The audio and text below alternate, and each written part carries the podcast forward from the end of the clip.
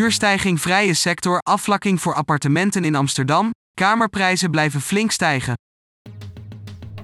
De ontwikkeling van huurprijzen op de vrije markt voor appartementen, studio's en kamers in de vier grote steden in Nederland toont een gemengd beeld in het vierde kwartaal, zo blijkt uit een overzicht van verhuurplatform Housing Anywhere.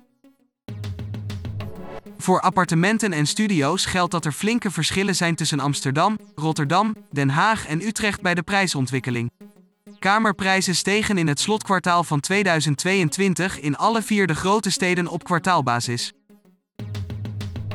Amsterdam blijft voor elke type woning de duurste stad om te huren. Maar prijzen van appartementen stegen in het slotkwartaal van 2022 met slechts 1% vergeleken met het voorgaande kwartaal. Gemiddeld lag de huurprijs van een appartement op 2350 euro per maand.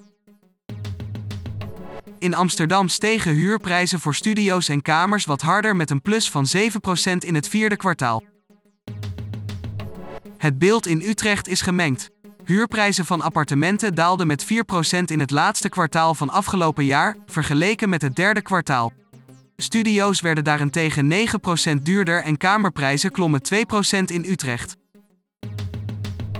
Ook in Den Haag waren er forse verschillen. Huurprijzen van appartementen stegen gemiddeld met 7% in het vierde kwartaal, terwijl huurprijzen van studio's 17% zakten. Bij kamers stegen de huurprijzen in Den Haag juist zeer fors met 20%.